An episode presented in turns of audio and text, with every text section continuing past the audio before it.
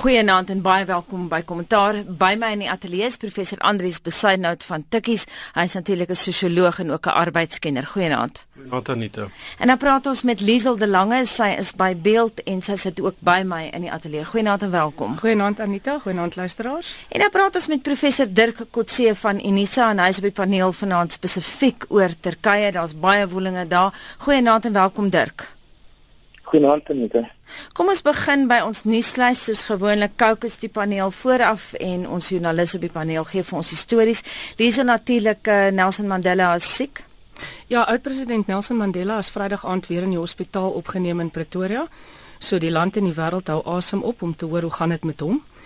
Dan intussen in die afgelope week het die goewerneur van die Reserwebank, Jill Marcus, het 'n pleidooi gelewer vir 'n daadwerklike plan rondom arbeidsonrus en die hantering van ekonomiese uitdagings in die land. Dan het dit ook rigbaar geword einde van die week dat die DA 'n miljoen rand gegee het aan Outa vir hulle hofstryd teen Sanral. Intussen was daar ook 'n hofaansoek gewees waar uitspraak voorbehou is waar daar eise ingestel is teen die ANC Jeugliga vir die 15 miljoen rand wat hulle steeds skuld sedert 2008 vir 'n leierskapkongres waar juis Malema tot leier gekies is. Mm. Intussen internasionaal gaan die betogings in Turkye voort. En um, dan was 'n interessante ander verwikkeling hierdie week is Brittanje wat ingestem het om miljoene ponde se vergoeding te betaal aan duisende Keniaanse slagoffers van die noodtoestand in die 50er jare tydens die Mau Mau revolusie. En ek weet jy stel daarin belang, ons sal die bal later vir jou gee Liesel, maar kom ons skop af uh, voordat ons by Turkye kom. Ons probeer altyd om ons ontleeders te kies by die onderwerpe van die week en natuurlik ons top arbeidskenner uh vir ons hier op RSG is definitief Andrius Besuidnout. Andrius natuurlik uh, baie arbeidsonrus. Ons het gesien Jill Marcus is baie bekommerd sy vra vir sterk stappe. Ons het gesien Koffie Annan waarsku oor Afrika se mynbeleid. Ons het gesien dat Lonmin veiligheidsmaatreëls by sy myne verskerp en uh, daar is 'n groot gesprek oor 'n sogenaamde peacekeeping force gaan dit help op die myne of gaan dit nie en dan is arbeidswetgewing bespreek. So ons gaan sommer al hierdie kwessies saam bespreek. Kom ons skop af eerstens kommentaar van jou kant of ek weet nie waar jy wil begin nie. Miskien by wat uh, Marcus gesê het, Andries? Ja, Anita, ek dink die onmiddellike kwessie is die um is die feit dat AMKU wat nou die meerderheidsondersteuning of ledetaal by Landmin het, 70% van Landmin se werknemers is behoort nou aan AMKU. En waaroor die, die dispuut op die oomblik gaan is die erkenning van AMKU dan as die amptelike vakbond vir daai werkers verteenwoordig, terwyl die NUM dan nie meer erken word nie of die NUM word slegs erken vir 'n hoër band. Jy weet ons praat van um, in Engels praat hulle van bargaining units, so onderhandelingseenhede. Met ander woorde 'n sekere vlak van werknemers word kan deur verskillende vakbonde verteenwoordig word. Die um, belangrike punt hier is dat president uh, die adjunkpresident Galema Motlanthe het het ingegryp en 'n beroep gedoen op AMKU om nie op 'n staking te gaan om erkenning nie. Nou die belangrike punt hier is 'n vakbond kan staak om erkenning in 'n maatskappy maar daar sekerre stappe wat jy moet volg. Mens moet deur die die die kommissie vir eh, vir vir versoening, bemiddeling en arbitrasie of CCMA. Mens moet deur daai kommissie gaan en dis wat Lonmin Lonmin basies die vakbond vra om te doen. Maar wat AMKU basies dreig om te doen is om op 'n onprosedure onprosedurele staking te gaan om erkenning. Mm. En ek dink hierdie is die kern van die saak. Is wat op die oomblik in arbeidsverhoudinge in die mynbedryf aangaan, is totale wetteloosheid. Is die feit dat niemand prosedure prosedure volg nie spesifiek nie aan die arbeidskant nie. Ons weet mense word doodgeskiet ook. So dit is die groot dis die groot groot probleem is die die feit dat die kollektiewe bedingingsstelsel wat daar is wat veronderstel is om konflik ordelik te kanaliseer um sekere stappe wat gevolg moet word. Daai orde bestaan nie meer in die mynbedryf nie of in sekere dele van die mynbedryf nie. So ek dink dit is dis die groot probleem. En nou waar nou word daar gepraat van 'n 'n 'n vredesmag wat op been gebring op die mm. been gebring moet word om om vrede te handhaaf. Met ander woorde die staat moet op 'n manier tussen beide kom, tussen die NUM en en AMKU en dis nou waar ons met 'n verdere tamaletjie sit. Is die staat kom nie in as 'n as 'n neutrale party nie, mm. nê? Want um NUM kantore is ook ANC kantore. Natuurlik ja. Um en baie keer praat die ANC van die NUM as hulle ruggraat in baie van hierdie myn areas. So ehm um, ek meen as uh, luisteraars weet, die die adjunk president is 'n voormalige algemene sekretaris van die NUM, een van die eienaars van Landmin, Cyril Ramaphosa, voormalige algemene sekretaris van die NUM. Die president van die ANC, Gwede Mantashe, voormalige algemene sekretaris van die NUM. Jy weet, so, ons het al ons het hierdie verstrengeling van beide die staat, besigheid en die vakbond elite wat ehm um, wat ek dink maak dat 'n mens op 'n uh, op 'n manier gaan moet mooi mooi dink hoe mense hierdie kwessie gaan aanspreek. Mhm, mm enige idees voordat ons na Dirk toe gaan? Um, ek dink daar sekerre aannames wat ons gemaak het toe ons die arbeidsbestel post-apartheid daar gestel het. En hierdie aannames was dat daar 'n 'n sterk onafhanklike vakbondbeweging is wat hulle werksvloer verteenwoordigers oplei wat in verskillende fora wat geskep is. Nedlac, die CITAS, jy weet wat die opleiding doen, 'n hele aantal liggame. Is daar 'n sterk vakbondbeweging wat hulle lede kan verteenwoordig? En ek hmm. dink wat ons nou sien is daai ding blyk nie die geval te wees nie. Um die vakbondbeweging is besig om of dele daarvan is besig om in duie te stort, is besig om baie swak te word en ek dink 'n mens moet um die grondaannames wat ons gemaak het toe die arbeidswetgewing in 1995 geskryf is, moet ons herbesoek en ons moet begin dink aan 'n bestel wat kan werk in 'n sekere geval in 'n konteks waar vakbonde dalk nie so sterk is nie, waar hulle dalk nie hulle lede um effektief verteenwoordig nie. Der kom ons gaan na jou toe Jill Marcus baie bekommerd hierdie week sy het in Santon gepraat en gesê iets moet nou gedoen word om arbeidsverhoudinge te stabiliseer, maar die Mail and Guardian lyk like dit my uh, voel baie soos Andries, hulle glo nie dat 'n vredesmag gaan help nie. Ja, ek dink dat baie uh, gevoelens dat teen teen die idee um om twee redes. Die eerste een is, is dat die vredesmag is kom vanaf die self van die regering se kant af kom of dit 'n weermag of polisie groepering is. Ehm um, en as gevolg van die noue verband tussen die ANC en Kusatu word dit veral van AMKU se kant af gesien as nie onpartydig van aard nie. Dan die, die tweede probleem is die is die polisie se teenwoordigheid. Ehm um, die polisie is word in 'n groot mate geïmpliseer in die Marikana gebeure. Ehm um, en nou nog steeds uh, maak Ankara op aanspraak dat hulle geïntimideer word deur die polisie op 'n daglikse basis. So om dit hulle te probeer voorstel as 'n tipe van 'n onpartydige neutrale vredesmag wat die die vrede moet probeer skep daar so in die gebied lyk lyk onwaarskynlik. In beginsel is dit 'n so seker almal sê dit is 'n goeie idee, maar dit gaan oor hoe om hierdie probleme dink ek um, te kan aanspreek. So die die ander probleem wat ek dink wat wat baie mense het met die idee is, dat dit die simptoom aanspreek en nie die probleem nie en nie die oorsaak van die probleem nie. En dit lyk asof die oorsaak nou meer en meer 'n politieke probleem word en nie selfs nie 'n arbeidsverhoudinge probleem nie. En as jy net byvoorbeeld net teruggaan na die 1 Mei, Meidag, um, ons openbare vakansiedag en kyk na die toesprake wat toegelewer is deur mense so Cyril Ramaphosa of die ministers of selfs president Zuma. Net hulle almal nie gepraat oor arbeidsake aan die algemeen nie, maar het hulle probeer om die National Union of Mine Workers se kant te kies te probeer beskerm teen 'n sogenaamde aanslag van AMKU.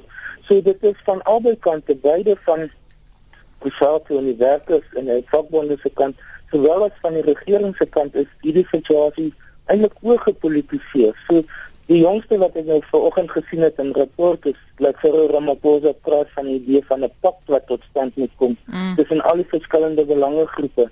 Dit is miskien 'n goeie idee. Dit is ek dink wat wat baie nodig is is dat 'n groot nasionale beraad tot stand moet kom wat um, al die verskillende groeperings bymekaar kom en sê dit is wat ons moet doen dit is die pad vorentoe. Ek dink ons moet net een perspektief hou en dit is om sien te sê arbeidsverhoudinge in die algemeen het tot 'n val gekom in Suid-Afrika. Dit mm -hmm. spesifiek in die platinum myn bedryf. Mm -hmm. En die ander bedrywe in Suid-Afrika werk nie die, die tot 'n groot mate die arbeidsverhoudinge. So dit is iets spesifiek tot die myn bedryf um, en selfs nie eers die ander dele van die myn bedryf, soos die goudmyn bedryf. So ek dink ons moet net daardie perspektief hou. Mm. Dit lyk asof Andries heeltemal saamstem, maar voordat ons teruggaan na hom toe, Liesel is nou besig om vervaard notas te maak terwyl jy uh, gepraat het, uh, Dirk Liesel. Net om terug te kom op die punt wat beide Dirk en Andries nou gemaak het oor die betroubaarheid van die regering of die objektiviteit van die regering, het ons ook nou weer vir minister Susan Shabangu wat die stelling gemaak het dat AMKU die die hele opkoms van AMKU is 'n politieke kwessie en dat hulle doel eintlik nou maar is om die ANC te probeer ontsetel weet jy daar onmiddellik weer wys dit net dat die die owerhede is nie neutraal nie. En waarom sou die groepe wat dan nou nie genoem is nie die owerhede vertrou om objektief en neutraal te wees? En die vraag oor die platine myne ook is nou na die arbeidsverhoudinge wat daar al meer troebel raak is dit nie juis omdat AMKU daar opgekom het nie en dat dit juis 'n gebied is waar daar nou 'n mededingende vakbond besig is om op te kom en in die dele waar dit nog kalm gaan het ons nog nie daai mededinge in die vakbonde nie. Ek weet nie my kollegas gaan meer kan sê hmm. daaroor. Ek sien jy kyk so na Andries. Kan jy die vraag beantwoord? Ja, kyk, ek dink um, almal se oog is op Rustenburg en die, en die Platinum Belt op die oomblik, maar AMKU is besig om in ander dele te organiseer. Ek vind die Noord-Kaap spesifiek baie interessant en ek dink uh, mense moenie mense oog van die Noord-Kaap af af afhou nie. Um, as die NUM in die Noord-Kaap in die moeilikheid gaan beland, gaan dit 'n massiewe politieke drama wees omdat dit daar wel die moontlikheid bestaan dat die ANC die Noord-Kaap kan verloor hmm. aan die oppositie. So ek dink daar daar's daar's die potensiaal vir konflik in in in ander streke en ek dink um, 'n mens moenie op Rustenburg fikseer nie. Um, in die Vrystaat se goud goudvelde is die kwessie onwettige mynboubedryf bedrywighede wat nou weer 'n ander tipe van 'n krisis is. So ek dink die krisis in die mynbedryf sit baie diep, maar ek wil net optel by 'n punt wat Dirk gemaak het en heel hartig met hom saamstem. Kyk as 'n mens kyk byvoorbeeld na die motorbedryf. Um en en en die staalbedryf en so waar Nomsa die metaalwerkers daar daar verloop kollektiewe bedinging redelik ordelik en en is interessant in daai in daai areas van die ekonomie het die regering redelike voorspelbare beleidsrigtinge Maar daar is ander die bedingingsstelsel in die klerebedryf is onder druk want hmm. daar's kleiner werkgewers wat op die oomblik die die um die bargaining council die onderhandelingsraad hof toe vat um vir verteenwoordiging so daar's ook 'n kwessie verder vir die onderwysers byvoorbeeld is daar die kwessie van onderwysers wat sê die staat hou nie by die ooreenkomste wat hulle in die kollektiewe bedingings uh, die ooreenkomste wat hulle geteken het hou die staat hulle nie by nie. Mm. So dis 'n ander rede vir 'n krisis. So ek dink eintlik as 'n mens kyk na arbeidsverhoudinge is daar 'n dinamika, verskillende dinge wat in verskillende sektore op die oomblik aan die gang is. Ek dink tog 'n mens sou 'n argument kon maak dat 'n mens weer na die arbeidsbestel in geheel moet kyk. 'n Tipe van 'n miskien 'n kommissie van ondersoek soos die Wian kommissie in ja? 1977, so 'n tipe van 'n proses moet volg om te kyk wat is die aannames wat ons gemaak het toe ons in 95 die arbeidswetgewing daar gestel het en is daai aanname aannames nog geldig? En ek dink baie van daai aannames is nie meer geldig nie. Dirk stem mee saam. Ja, ek stem saam daarmee. Ek dink een van die belangrike of, of ek sou sê interessante punte is die die groot verskille wat dan aan die een aan die politieke kant is waar ons met proporsionele verteenwoordiging werk teenoor aan die arbeidskant wat ons met 'n totale meerderheid van 'n 50% plus 1 werk. So die Ek dink byvoorbeeld een van die moontlikhede en ek het dit nou self in die praktyk gesien, is dat daar miskien meer diversiteit aan die arbeidskant moet wees, dat daar meer van meer verteenwoordigende aard moet wees en nie net die wenner neem alles begin so nie. Hmm. En ek dink dis een van die groot probleme by Marikana en Londen en gaan byvoorbeeld oor wie beheer net die kantoor wat daar is, né? En dit is of die een of die ander een. Dit is nie dat dit gedeel kan word of dat almal geakkommodeer kan word nie. So ek stem definitief met Andri saam. Ek dink die Die arbeidsverhoudinge was geskep binne die konteks van 'n oorgangsperiode na 1994 en ons is nou verby dit en uh, dit moet nou ek dink redelik dramaties hersien word. Andries het nou oogkontak gemaak. Ja, ek dink wat is baie interessant wat die werkgewers op die oomblik wil hê is dat ons weer teruggaan na die stelsel toe waar werkers moet stem voor hulle staak. Hmm. En ek dink dis 'n goeie plan. Wat erkenningsooreenkomste betref en dit is nou die reëls oor wie verteenwoordig die werkers, hierdie meerderheidsbeginsel laat die arbeid arbeidswetgewing in baie gevalle dit oor aan die vakbond en die maatskappy om self te besluit. En ek dink daar's miskien wat nodig is is 'n meer voorskriftelike arbeidswetgewing om hierdie meerderheidsbeginsel te beskerm. So ek stem heeltemal saam daar, maar ironies genoeg gaan 'n mens dalk meer voorskriftelik moet wees in die wetgewing om dit wel daar te stel. Ons moet net nog iets in die armbeurs hier gooi en dis natuurlik dat die hele kwessie in die parlement bespreek is. Arbeidswetgewing is in die parlement bespreek hierdie week en het heelwat kommentaar en onder meer business daai uitgelok. Ja, kyk, ehm um, dis nou weer die spanning tussen Nedlac waar die waar dit onderhandel word en die parlement as sulks. En dis nog altyd 'n dis daar's spanning in die verhouding tussen die twee beginsels. Wie skryf arbeidswetgewing? Is dit die vakbonde, die werkgewers en die staat in Nedlac of wat is die of is dit die parlement wat dit skryf? So dis eintlik dis 'n tipe van 'n spanning in ons in ons demokrasie. Daai tussen onderhandel jy die wetgewing of moet die parlement besluit. Die kwessie van arbeidsmakelaars gaan weer ter sprake kom, um, wat eintlik tot nou toe enige vordering op arbeidswetgewing um, in die kiem gesmoor het wat half jammer is. Maar ek dink daar en dit is hoekom ek sê Anita, 'n tipe van 'n kommisieproses gaan 'n hmm. mens dalk uit hierdie kyk ons val nog altyd vas in die ding oor buigsaamheid in die arbeidsmark al dan nie. Jy weet, moet arbeidsmakelaars moet ons hulle verban, moet ons hulle reguleer. Ons dit is baie moeilik om verby daai debatte kom en dis hoekom ek dink 'n kommissieproses waar 'n mens navorsing doen, waar 'n mens realisties kyk op grond van bewyse, op grond van statistiek, op grond van ekonomiese tendense in verskillende sektore van die ekonomie. Wat gaan aan? Eintlik ons kollektiewe bedingingsstelsel is geweldig divers. Meen van landbou, mm. um universiteite, die myne, fabrieke, dit werk eintlik amper anders in elke in elke verskillende bedryf. In party plekke is daar onderhandelinge oor lone, in ander gevalle bepaal die regering wat die minimumlone is. So ek dink 'n mens moet daai diversiteit uh, um, erken en ook uh, die feit dat daar baie sektore is waar daar nie vakbonde is wat regtig werkers verteenwoordig nie. So 'n kommissieproses dink ek gaan gaan daai geheelbeeld op die tafel kan plaas en hopelik 'n uh, tipe van 'n meer haalbare oplossing op die tafel plaas wat dan onderhandel kan word. Dit lyk asof Liesel by jou wil aansluit, Liesel. Die ander interessante ding natuurlik ook is ons is weer in aanloop tot 'n verkiesing volgende hmm. jaar. Wat beteken baie van die debatte gaan ehm um, beïnvloed word nie net deur rasionele studies oor wat belangrik is en wat nie belangrik is nie, maar ook watter impak dit gaan hê by die stembus volgende jaar. Ons moet aanbeweeg na ons nuuslys toe. Kom ons kyk 'n bietjie na Outa. Ons het nou gesien uh wel vroeër die week is geskryf hulle benodig 880 000 teen 21 Junie, maar natuurlik die DA het vir hulle 'n miljoen gegee. Liesel, kom ons begin by jou en dan gaan ons na Dirk toe. Ja, daar's natuurlik bietjie debatte daaroor wat uh, die kritiek is nou dat die DA dis nou politieke punte hmm. en politieke speelbal daar en ehm um, Outa wat uh, wat in die begin mos gesê dat hulle juis nie politieke partye betrokke wil hê by hulle prosesse nie. Hulle het ook toe vir die DA en vir Afri Forum en die ouens gesê om maar liewer um, uit hulle sake uit te bly, maar, maar toe daarom die geld gevat. Natuurlik. Ek dink dis nou ter 11 ure hulle besef dat hulle gaan nie genoeg geld elders in die hande kry nie, hoewel gewone Gautengers en ondernemings dit lyk my meer as 'n half miljoen rand gegee die afgelope ruk vir die hofsaak. Mm.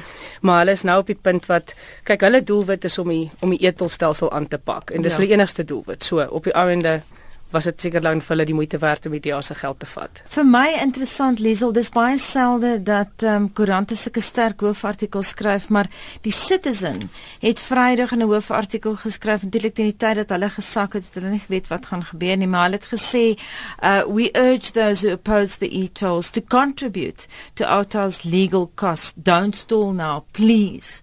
Punt please. Dis baie selde dat uh, dat 'n hoofartikel so sterk 'n pleidooi sal lewer by Jan publiek om geld vir 'n saak te gee of hoe. Dis baie waar. Interessant genoeg was daar oor ehm um, verskeie uh, radioprogramme verlede week ook was daar hierdie tipe beroepe gedoen. Ek het juis na na 'n Engelse radiostasie geluister einde laasweek wat een van die sprekers daar gesê het mense kla so maklik nou oor die etolstelsel maar het hulle nou al daaraan gedink om vir om geld te gee om die hofsaak voor te stuur. So dit is buitengewoon. En natuurlik nou sit jy met die ding met die DA wat nou ook betrokke is. Nou jaag jy almal uit dieselfde kamp in wat mm. natuurlik vir die media nie 'n gemaklike situasie is nie. Andres. Ek dink die feit dat hulle geld by die DA gevat het is 'n doodskoot vir enige samewerking met Kusatu. Mm. Um, ek dink dit hals wel en Zima waar we heeltemal uit die prentjie uit. Dit gaan vir hom dit baie moeilik maak om binne in Kusatu um, sy ondersteuning van die kampanje teen die etolstelsel uh, te regverdig. Ek dink dit is miskien uh, onmiddellik van onmiddellike belang om die geld te kry, maar is 'n doodskoot vir die breë alliansie teen die teen die etolstelsel. Wat dink jy sou hulle opsies gewees het? Ek weet nie, ek dink hulle sou hulle sou met Kusatu kon gepraat het en ander partye, miskien buitelandse befondsers of so iets, maar ek dink net strategies is dit Zwelenzima waar wees onder geweldige druk in Kusatu op die oomblik. Men, ja. Mense sê hy's anti-ANC, hy werk saam met die oppositie. So um, ek dink net hy dit gaan dit vir hom baie baie baie moeilik maak om enigstens met hulle eers te praat of in die, om in dieselfde kamer gesien te word. Kom ons hoor wat sê ons politieke wetenskaplike op die paneel. Dirk het nou gehoor wat sê Andries. Ja, nee, ek het gehoor ek stem nie 100% met hom saam nie. Ek, ek dink die daar was reeds voor hierdie gebeure wat koes uit uh, ja, die geld gegee het en wat daar reeds wat baie losse samewerking maar tussen Kusatu die DA en, en Outa. Ehm um, en dit was 'n manier kon hulle by mekaar uitkom want ek dink die, die die verskil is is dat hulle is nie in een groepering nie. Hulle stem basies saam oor dieselfde idee dieselfde doel wat wat byvoorbeeld vir my interessant is is dat die DA die geld gegee het en nie daarop aandring dat hulle een van die partye in die hofsaak gaan word nie. Ehm um, so hulle seker sin het hulle hulle posisie opgegee aan die van van Outa om namens almal op te tree. Ehm um, ek dink dat dit die geval is dat die DA tot 'n groot mate word hulle uit die prentjie uitgehaal. As die DA een van die van die aansoekers was, net saam met Outa, mm. wat dit iets anders. Dan sou hulle meer in 'n baie meer prominente posisie gehad het, dan sou hulle ook gesê het wel ons is een van die partye in hierdie situasie, terwyl wat hulle nou gedoen het deur te sê ons ondersteun hierdie proses. En dit beteken dat ek dink Outa kan aangaan en deur te sê ons kry ook geld van besigheidsorganisasies van ander instellings hmm. en dit is die hele idee van so 'n alliansie is om so divers moontlik te wees en soveel verskillende tipe van belange saam te trek en terselfdertyd die inkomste te kry daarvoor om om die saak te kan voer. En so ek, ek dink nie op sigself is dit die einde van die die die die proses wat ouer probeer skep om 'n om 'n breë alliansie tot stand te bring. En daardie opsig ek, ek dink wat die DA gaan doen is in die volgende jaar se verkiesing is weer te sê kyk ons ondersteun hierdie sake. Dit is iets wat die mense direk raak. Hulle die gewone kiesers en besighede se direkte belange raak en as gevolg daarvan het ons 'n gebaar gemaak 1 miljoen rand kan nie die saak red nie mm. maar dit is meer van 'n gebaar wat uiteindelik daar is om hierdie saak aan die gang te hou en uh, ek daardie perspektief dink ek is en ek, ek dink dit was oorwegings wat gelei het tot die besluit van die DA en en, en nie soos wat op 'n stadium het hulle dit wel oorweeg om 'n party in hierdie saak te word en om nie daardie opsie te gebruik nie maar mm. eerder net die ondersteuning te gee. Terwyl praat nou van 'n gebaar, maar het die DA hiermee 'n president geskep? Ek dink die een groot vraag wat sommige mense vra is is daar 'n konflik van belange? En tussen die DA dat hulle die die en seker sin die skeiding tussen die politieke terrein en die burgerlike gemeenskap oorgesteek het dat dit besig is om 'n oorvleeling tot stand te bring waar daar te veel openlike politieke betrokkenheid of partytetiese betrokkenheid by dit is. En dis 'n baie moeilike vraag. Ons het nie ons nie baie goeie riglyne daarvoor om te sê ja, dit is iets wat wat nie problematies in die toekoms kan wees nie. Ek dink wat dit wel die die president wat dit geskep het is um ander partye gaan nou onder druk wees om te besluit of hulle dieselfde wil doen of nie. Miskien nie op so 'n skaal soos die DA nie, maar dit gaan definitief druk plaas op byvoorbeeld die JDM of Coach of Inkatha of die ander groeperings om te sê wel moet ons dieselfde doen want as andersins kan jy al die die al jou moontlike voorstel hier opbou wat uh, baie moeilik is om deur die ander partye nie, nie te doen. Kom ons kyk na die jeugliga en die moontlike likwidasie. Malema ook weer in die nuus. Ons het nog al 'n hele ruk gelede gedink ons het nou die laaste van hom gehoor, maar hy's weer in die Sondagkoerante. En ons het ook spotprente gesien en so, maar kom ons gesels 'n bietjie oor die jeugliga. Die kollig het natuurlik op hulle geval die week en nie net oor die likwidasie nie, maar ook oor politieke ry in die Kaap en die manier waarop goed hanteer word. Liesel, ek weet dit lê jou nogal na aan die hart. Ja, dit was nogal 'n bietjie uh hoe kan mense sê griep politiek wat beoefen is in die KP afgelope week waar daar um, ontlasting en so aan um, rondgegooi is en na busse gegooi is waar die leierskap beweeg het. Hulle was wel nie in die busse nie. En dit is um, allermins wat mense nou stelvolle politiek sou kon noem. Mm. Nie dat die jeugliga weliswaar bekend is daarvoor dat hulle politiek op 'n hoë vlak bedryf aldag nie. en hulle kan weliswaar nie uit die nuus uitbly nie. Hierdie keer is hulle nou ook hulle was weer eens in die moeilikheid hierdie week oor die hofaansoek, die 15 miljoen rand wat hulle skuld vir die vir die kongres wat in 2008 gehou is en blykbaar was die Balje al twee keer um, aan die deur kom klop in 'n poging om ba op bates beslag te lê wat daar toe nou geen bates was nie. Mm. En natuurlik die ANC as moederorganisasie neem nie verantwoordelikheid hier vir die vir die jeugliga nie.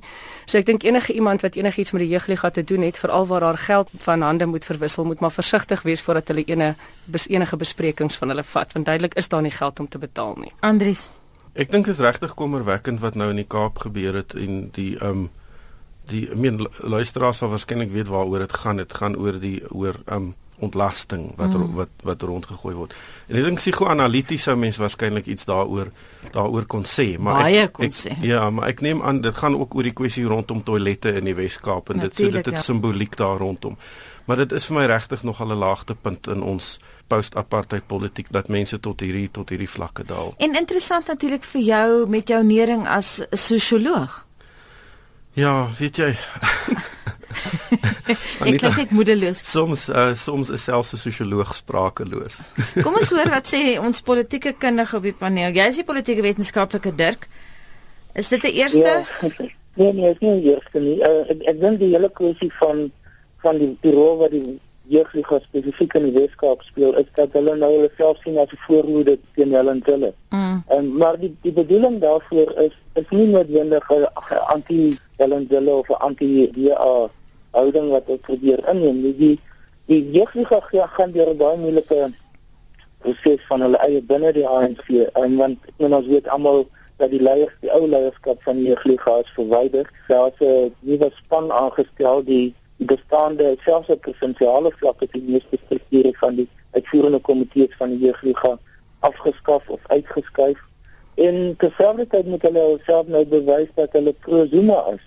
So wat ons nou sien in, in baie situasies selfs in in KwaZulu-Natal wat wat sy eie provinsie is, is dit dat die jeugliga nou pro-Zuma persone probeer intrek in die jeugliga en die jeugliga gaan nou deur dieselfde proses as wat uh, ironies genoeg Malusi Tigaba hier gegaan het hy in die in die Mbeki periode as gevolg van die die keer openbare debat is om loyaliteit teenoor die president te probeer bewys en hulle gaan in 'n groot mate eer beurt soms om dit te doen deur die, die tipe van aktiwiteite soos wat ons in die Kaap gesien het. Nou ek dink dit beteken dit in die eerste instansie as 'n manier vir jong mense om te die gapings of die vakuum te probeer vul wat die die Malema leierskap gelaat het of hulle uitges uitgewerk is um, en dit skep skep natuurlik baie geleenthede vir 'n nuwe generasie om in te beweeg om nuwe geleenthede binne die ANC te kan opneem en om dit te sien as 'n pad vorentoe. En kyk waar is Malisiki Gaba op vandag byvoorbeeld. Mm. En ek dink dit is dis wat ons nou sien is daar 'n mate van opportunisme self gesproke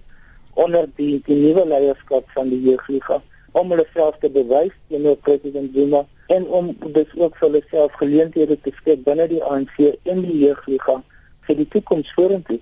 Dit is 'n groot mate hier die situasie nou sien. Maar ook vir my interessant, miskien op 'n meer rasionele vlak, het die staar in 'n hoofartikel Vrydag geskryf, not everybody has a flush toilet in the Cape, but almost 97.2% have access to sanitation. En dit ten spyte daarvan dat die bevolking van Kaapstad met 'n derde toegeneem het oor die laaste dekade. So dit plaas dit ook net 'n bietjie in 'n ander konteks, Dirk. Ja, nee, dit is definitief die geval en ek dink bykomende faktor wat in jou daar sien is nog steeds die polarisering in die Weskaap. Nou daar is 'n wat er, alhoewel die ANC se steun onder op die huidige oomblik baie klein is in die Weskaap rondom 30% of selfs minder en die DA 'n baie stewige posisie is, is die DA nie baie gewild in die swart townships in dele van wel Khayelitsha byvoorbeeld. Mm. Um in in die Younger and Guguleti nie terwyl in die in die breingebiede en in die witgebiede is hulle is hulle baie populêr. So dit is ongelukkig ja, 'n refleksie ook op die die groot politieke kloof wat daar bestaan in die in die gemeenskap van die Weskaap en algemeen veral in die Skiereiland, nie seker ander dele van die Weskaap. Hmm. En ons weet dat En ons weet natuurlik dat ehm um, Patricia de Lille is ook weggejaag van openbare vergadering in Filippi.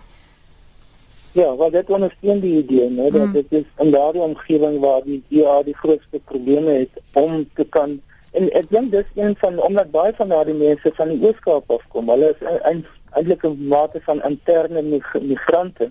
So hulle kom uit 'n tradisie en omgewing waar die ANC baie domineer in die Ooskaap en hulle woon in die Weskaap en nou is hulle onder 'n DA regering. So dit is 'n baie sterk politieke polarisering wat daar plaasvind en 'n gevoel van distansiering, net van marginalisering wat daar is wat dit baie moeilik maak om te aanvaar dat daar een regering vir almal in die Weskaap is. Kom ons uh, kyk na internasionale nuus. Ek weet Liesel, jy het iets op die hart. Interessante storie wat jou uh, aandag getrek het hierdie week. Ja, dat wat weliswaar gebeur het die afgelope week is die Britse regering het ingestem nou om vergoeding te betaal aan 'n uh, hengse klomp Keniane wat met die noodtoestand destyds of ehm um, gemartel is of aangehou is en so. Na raming is daar omtrent 90000 Keniane aangehou destyds of doodgemaak tydens die noodtoestand in ehm um, in in reaksie op die Mama opstande. En dis natuurlik 'n baie belangrike uh, verwikkeling hierdie want is 'n erkenning deur die Britse regering oor minstens van die griefvergrype wat destyds deel uitgemaak het van die empire. En William Hague, die Britse minister van buitelandse sake, het gesê aanhaling uh, Brittanje is opreg spyt oor die tipe vergrype, maar hy het ook bygevoeg dat die regering enige ander eise van uit ehm um, van uit sy oud kolonies wel sal teenstaan. So hierdie is dalk die begin van iets. Ehm mm. um, en Brittanje het nou so half gesê, goed, ons is jammer die, dit wat in Kenia gebeur het destyds was onaanvaarbaar. Mm. Maar dit kan nie deur oopmaak vir uh, vir groeperinge uit ander dele van die massiewe ou empire om ja. op te staan en te sê maar luister, julle het soortgelyke goed aan ons ja, gedoen. Ja, wat 'n soort president kan dit skep, maar kom ons uh, kyk laasens na Turkye. Dirk, ons weet almal Turkye is jou kos. Jy gaan nou weer wanneer in Augustus Ankara toe? Nee, nee, ek gaan nie baie binnekort, dis twee weke omtrent. Dan gaan jy weer klas gee dan, maar kom ons kyk gou-gou 'n bietjie groot probleme in Turkye. Ek sien vanoggend dat uh, Patrick Cockburn beskryf uh, Tayyip Erdogan vandag in die Sunday Independent as beide die simbool en die argitek van moderne Turkye. Jy en ek het vroeër die week gesels oor wat Erdogan alles reg gekry het dat baie Turke hom beskou as die beste leier sedert Atatürk. Ja, hy hy sê 'n figuur wat ek dink daar's groot verskeidenheid van opinie opinie daaroor. Ek dink dat een punt waaroor die meeste mense saamstem is dat hy moet die krediet kry vir die huidige ekonomiese ontwikkeling in in Turkye wat baie indrukwekkend is. Um, as nou die staat die 14de grootste ekonomie in die wêreld. Mm. Deel van die G20 ook. En dan laat hy, hy ironies genoeg onder 'n relatief konservatiewe regering hulle soveel hervormings die afgelope 10 jaar ingebring het en terwyl hulle daarvan om te probeer lid word van die Europese Unie wat tot nou toe nog nie gebeur het nie maar dit is definitief byvoorbeeld die invloed van die militêre groepering die die weermag in die politiek eh, om dit te verminder en en uit te werk tot 'n groot mate dit is 'n dis seker een van die grootste skuwe wat daar in Turkye plaasgevind het mm. so definitief aan daardie kant um, is is daar positiewe elemente die baie verdelende faktor is is oor die oor die sosiale aspekte. En dat baie van die die middelklas sekulêre groeperings soos byvoorbeeld by universiteite die dosente daar en die studente en die intellektuele klas wat voel dat hy dat daar die gevaar is dat hy kan beweeg na soonde in die ooste na die moslim na die politieke islamistiese kant en net byvoorbeeld skrywe deur vroue weer te laat om sluiers te dra op universiteitskampusse of in die parlement um, of in openbare geboue um, en ook aspekte oor ander sosiale aspekte. En terselfdertyd laat hulle bang is dat hy te autokraties begin word mm. en te prominente sterk figuur en dat hy mag begin word. Nou, ek dink die huidige situasie sien mense as 'n manier wat eintlik daardie gevaar gedemonstreer het. Ek dink wat baie interessant is hoe die protes begin het, dit gegaan oor openbare ruimte ja, wat ge, wat geprivatiseer sou word. Mm. En ek dink eh, wat interessant is in Turkye is die belangrikheid wat stede speel in protes deesdae. Daar was die Occupy beweging um, in Amerika en elders. En ek dink daar's uh, miskien baie baie interessant vir ons in Suid-Afrika die sentrale rol wat stede en stedelike bewegings deesdae speel in hierdie groot groot protesbewegings. Ek wil net vinnig terugkom na die breër konteks toe. Ons weet dat Turkye al baie lank 'n lidland van die EU wil word en ons weet ook Dirk dat die EU dit teenstaan.